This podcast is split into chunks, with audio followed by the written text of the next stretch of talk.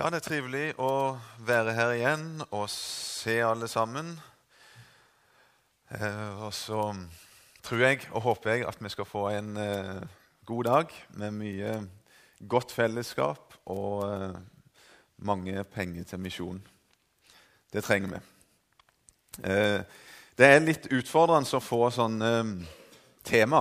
Og I går så antyda jeg vel at jeg kanskje kom til å svare litt annerledes enn det som var forventa herifra. Det vet jeg ikke, det snakka vi ikke om etterpå, så jeg fikk ikke noe eh, kommentar på det. Nei, det gjør jo som regel ikke det. Eh, men i dag så tror jeg kanskje at jeg er mer i den retninga som eh, de som setter opp temaene, hadde sett for seg. Jeg har fire punkter som vi skal gå igjennom. Og jeg hadde lyst til å begynne Eh, på forrige søndags eh, preketekst. Jeg vet ikke om den ble brukt her eh, i misjonssalen, men den var fra Matteus 25. Ganske alvorlig tekst. Det var domssøndag. Og det handler om når alle mennesker skal bli dømt. Noen får beskjed om å gå til den ene, og noen til den andre. Gud eh, skiller folket som en gjeter skiller sauer ifra, ifra geiter. Så er det noen som får beskjed om at de skal få eh, tilbringe resten av evigheten sammen med Jesus, og noen som eh, går fortapt. Det er en veldig alvorlig eh, tekst. Eh, og Jeg har lyst til å lese noen vers eh, derifra nå, fra vers 35 til 40. Det er i Matteus 25. Overskriften over det avsnittet i min bibel heter 'Dommen over alle folkeslag'. Om når menneskesønnen kommer i sin herlighet, og englene med han. Eh, han sitter på trona si, og alle folkeslag, alle folkeslag skal samles framfor han og han skiller dem fra hverandre, liksom gjeteren skiller sauen fra geitene. Så står det vers, eh, fra vers 35 For jeg var sulten, og dere ga meg mat. Jeg var tørst, og dere ga meg å drikke. Jeg var fremmed, og dere tok imot meg. Jeg var naken, og dere kledde meg. Jeg var syk, og dere så til meg. Jeg var i fengsel, og dere kom til meg. Da skal de rettferdige svare ham og si, Herre, når så vi deg sulten og ga deg mat, eller tørst og ga deg drikke? Når så vi deg fremmed og tok imot deg, eller naken og ga deg klær? Når så vi deg syk eller i fengsel og kom til deg? Og kongen skal svare og si til dem, sannelig sier jeg dere, alt dere gjorde mot en av disse mine minste brødre, det gjorde dere mot meg. Det er ganske sterkt å lese det, at eh, kongen sjøl, Jesus, menneskesønnen som kom igjen for å dømme levende og døde, sier at det som dere gjorde mot en av disse mine minste, gjorde dere mot meg. Og så får vi høre om mennesket i en del forskjellige vanskelige livssituasjoner. Eh, det handler om eh, sult og tørst. Det handler om å være naken og bli kledd. Det handler om å være sjuk og bli sett til, og i fengsel og få besøk. Og så hopper jeg over en sak nå som jeg tror er veldig relevant for det som vi snakker om her. Jeg var fremmed, og dere tok imot meg. Jeg var fremmed, og dere tok imot meg.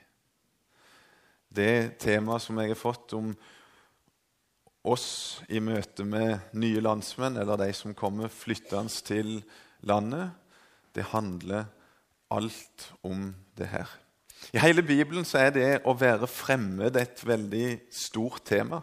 Når Jesus eh, eh, her i Matteus forteller om å være fremmed, så viser han tilbake ikke minst til sterke tekster i Jesaja, der Gud sier til folket sitt at ja, det er mye brennoffer og røkelse og mye ytre fromhet. Men hvordan er det å være en fremmed iblant dere? Det er det som Gud spør sitt folk. Og Han sier det ganske sterkt. Jeg er lei av alle ofringer. Jeg er lei av all ytre fromhet. Det bare plager meg. Det jeg vil ha, det er ekte fromhet som viser seg i praksis, og som viser seg i det eh, å ta seg av den fremmede.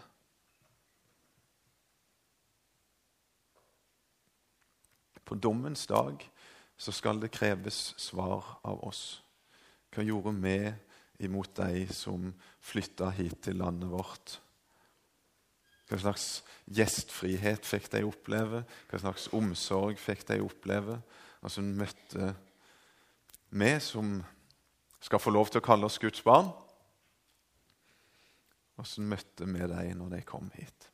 For meg så ble det tankevekkende her om dagen. Det var et stykke i vårt land om eh, Da var temaet eh, syke som hadde kommet til landet vårt og fått eh, innvilga oppholdstillatelse.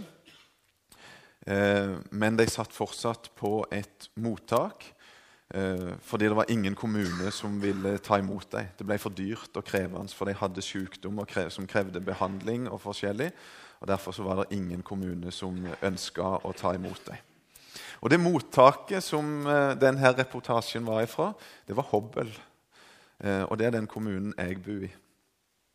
Og det slo meg med en gang at jeg har aldri hatt noen befatning med her folkene. Jeg aner ikke hvem de er. Jeg leser i Vårt Land om vanskelige livssituasjoner for noen fremmede som er kommet til vårt land. De bor i rett i nabolaget fra der som vi bor, og der som eh, misjonshuset vårt er. Og jeg aner ikke hvem de er, og hadde ingen peiling på at det satt folk i en sånn situasjon der.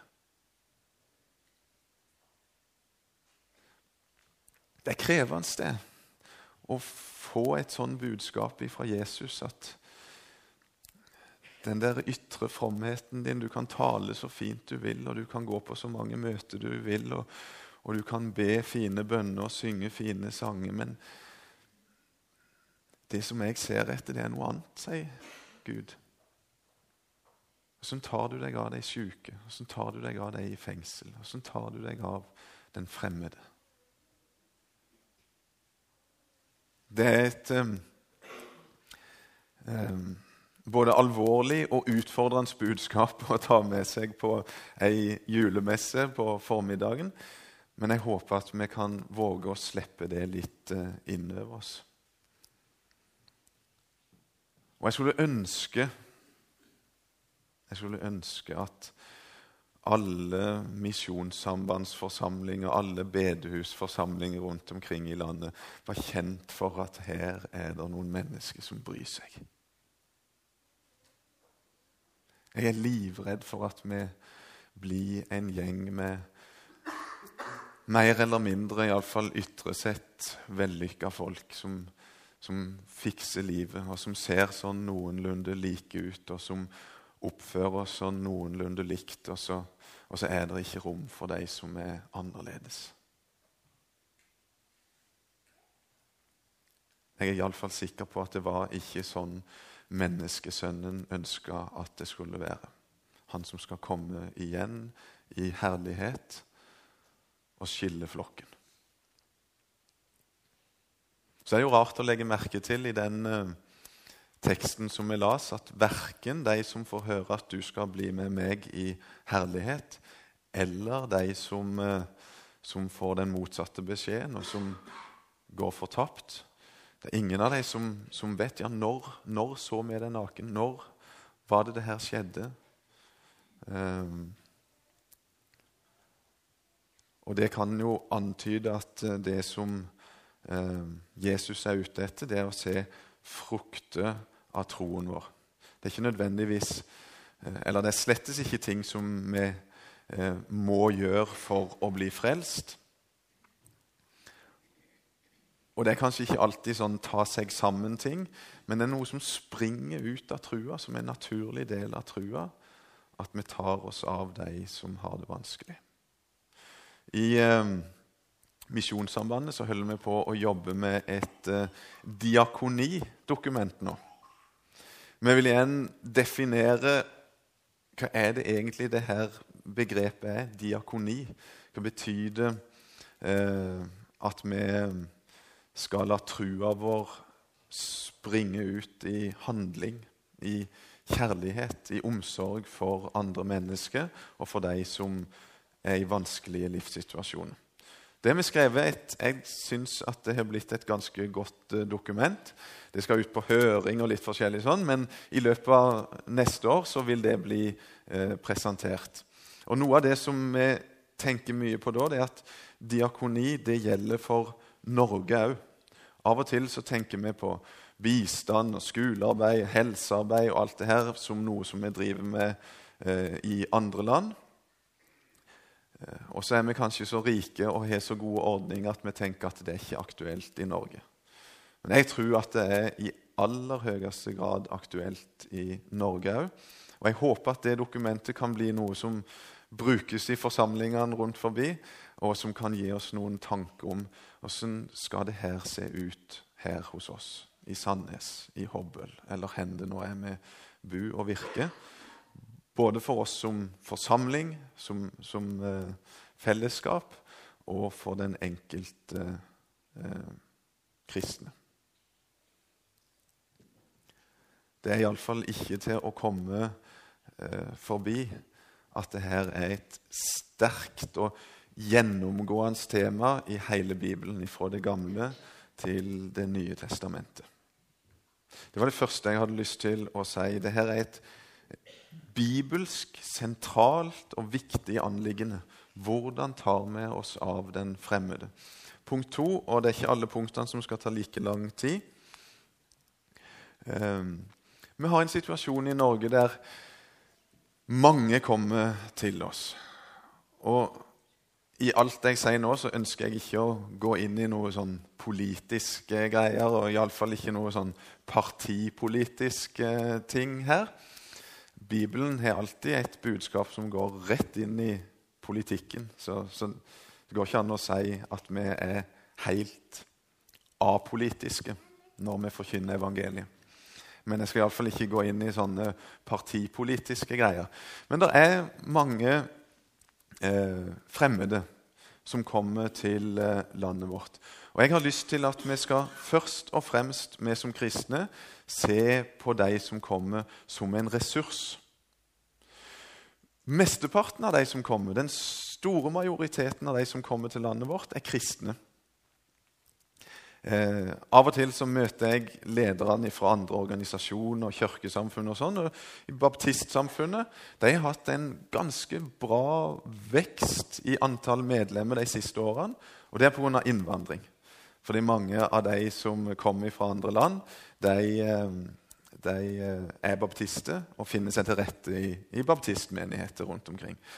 Og, og, han Lederen der sa til meg for et par år siden at det er det, det er det beste som er skjedd. Det er det beste som er skjedd oss noen gang. Vi hadde mange menigheter som så ut som de holdt på å dø ut. Folket var gamle, og de de var trufaste, og de samles, og det, det, var greit, det, men vi visste at om noen få år så ville dette arbeidet dø ut. Og så har det plutselig kommet folk fra hele verden inn i forsamlingene våre, revitaliserte, og du verden så mye vi har å lære av de her folkene. Jeg skulle ønske at det kunne være enda mer sånn hos oss òg. At vi virkelig så på det her som en ressurs. Ikke noe å være redd for det som er annerledes og fremmed, men noe som er, som er omfavner, og som vi ser på som en ressurs. Gud har sendt oss eh, kristne brødre og søstre fra andre deler av verden som kan bli en enorm berikelse for oss. En kamerat av meg i Østfold som er eh, spanjol. Han forteller om sine møter med kristne nordmenn. Han er kristen sjøl og begynte å jobbe i, eh, som sånn eh, i heimesykepleien når han kom til Askim. Og Han eh, reiste og besøkte folk og merka at det var noen som var livredde for ham. Særlig ei dame. Det var så vidt hun slapp han inn. Kom han inn i stua hennes og skulle hjelpe henne med forskjellige ting. og Så så han et fint brodert bibelvers på, på veggen. Og Så spurte han henne ja, er du, er du kristen. du? Ja, det var hun. Fortalte litt om det. da. Eh, og så sa han at eh, ja, jeg er ved en, eh, jeg er vel kristen. Og jeg gleder meg sånn til vi skal være sammen, alle sammen, i himmelen. Og Så fikk de en fin samtale, og så fikk hun dama se at hun hadde noen holdninger og, noen, og en frykt som det ikke var noen grunn til å ha. Hun hadde møtt en kristen bror og ble minnet om at vi skal faktisk en gang være sammen, alle sammen som vi innleder møtet med i dag, fra Johannes' åpenbaring 7,9. En dag så skal folk fra alle folkegrupper, alle slags språkgrupper, alle slags etniske uh, ulikheter skal stå foran tronen og prise lammet sammen. Og så kan vi få begynne å trene allerede her nå med å ta imot kristne brødre og søstre. Punkt tre det handler om uh, et tema som, som jeg tror vi har ofte snakka om, men som det ofte er vanskelig å få omsatt i handling. Og det finnes mange hederlige unntak eh, her i området òg. Men det er noen som har sagt at når eh, Gud ser at vi ikke er villige til å gå ut, for å nå de minst nådde folkegruppene i verden, som det finnes 6500 til 7000 folkegrupper i verden, der, der, folk ikke reelt sett har noen sjanse til å høre evangeliet forkynt. Det er et kall til oss. Gå og fortell. Men når Guds folk er ulydige og ikke går, så sender han dem til oss. Det har vi hørt før, og jeg tror det er sant. Jeg tror det er akkurat sånn det fungerer. At Gud sørger for at det kommer mennesker til oss fra noen av de minst nådde folkegruppene i verden som vi har i nabolaget. Og så har det blitt en mulighet, så har det blitt et kall til oss. Å nå de minst nådde som er kommet til oss. For en misjonsorganisasjon som er opptatt av eh, at alle mennesker må få høre og nå de minst nådde, så kan vi ikke late som det her ikke skjer. Og det er ikke alltid lett. Igjen så taler jeg like mye til meg sjøl som til alle andre. Men det å finne muligheter til å bli kjent med deg som enkeltpersoner, det å finne anledninger til å invitere deg inn i fellesskapet og vitne for deg om Han som er veien, sannheten og livet, det er noe som vi både må snakke mer om, og kanskje hjelpe hverandre til å finne gode, praktiske måter å gjøre det på. Jeg vet at det skjer i eh, misjonssalen her, og jeg vet at det skjer i Stavanger og mange plasser i, i våre sammenhenger. Og jeg er helt overbevist om at det burde skje enda mye mer. Det fjerde punktet og siste som jeg hadde lyst til å minne om i den sammenhengen her, det, det kommer fra Lukas 10. Eh, og det handler om den barmhjertige samaritan. Den historien som vi kjenner så veldig godt alle sammen, om, om alle de fromme og skriftlærde og prestene som bare gikk forbi han som lå forslått i veikanten og så samaritanen som stoppa opp og pleide han og tok han med seg. I går snakka jeg litt om evangeliet som overraskende og, og sjokkerende. Eh, og jeg tror det er vanskelig for oss å tenke oss for et sjokk det var for, eh, for jødene og for disiplene å høre Jesus fortelle om den barmhjertige samaritan. Det var ganske sterkt fiendskap mellom jødefolket og samaritanene. Og at Jesus da bruker en samaritan som et eksempel på en som eh, gjorde det gode. De fromme, de som tilhører oss, de svikta. Men den fremmede, han gjorde faktisk eh, det som alle burde gjort, og Jesus setter han opp som det store eksempelet på hvordan en burde oppføre seg. Vi som er misjonærer, kommer ofte tilbake og har med oss noen sånn floskler som at det, det, er sånn et fantastisk folk vi har vært iblant, og de er så gjestfrie og alt det der. ikke sant? Men det er faktisk en grunn til, til at vi sier det. For vi opplever ofte en ufattelig stor gjestfrihet når vi kommer som gjester til eh, andre folk. Ikke alltid. Det skal ikke liksom si at det alltid er sånn heller, men veldig ofte. Og For min del så har jeg opplevd det veldig sterkt.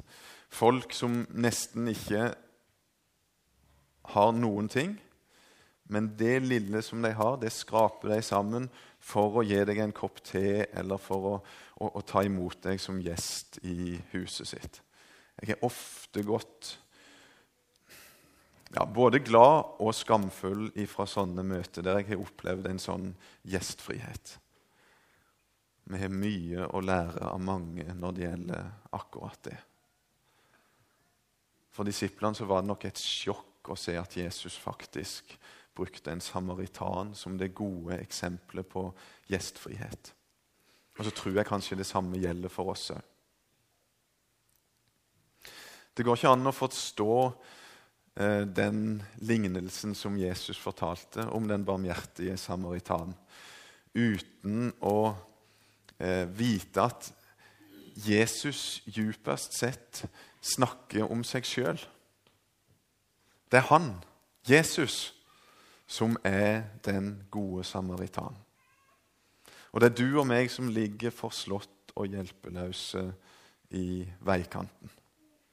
Det er Jesus som er den gode samaritan, som bøyer seg ned, som løfter oss opp, som steller sårene, og som gjør alt som trengs for at vi skal bli frelst, for at vi skal leve. Jesus opplevde godt hvordan det var å være fremmed. Måtte flykte med, med Josef og Maria når han var liten baby, til Egypt. Levde der ei stund. Eh, og vitnesbyrd om Jesus sier jo at han, han, kom til sine egne, men hans egne tok ikke imot ham. Jesus visste godt hvordan det var å være en fremmed. Og Jesus han gjorde som den barmhjertige samaritan. Og jeg tror at Jesus er her i dag og lengter etter å ta, oss, ta seg av oss igjen. Jeg opplever meg ganske forslått og hjelpeløs eh, når jeg møter sterke utfordringer fra Guds ord om å være et godt medmenneske og en, god neste.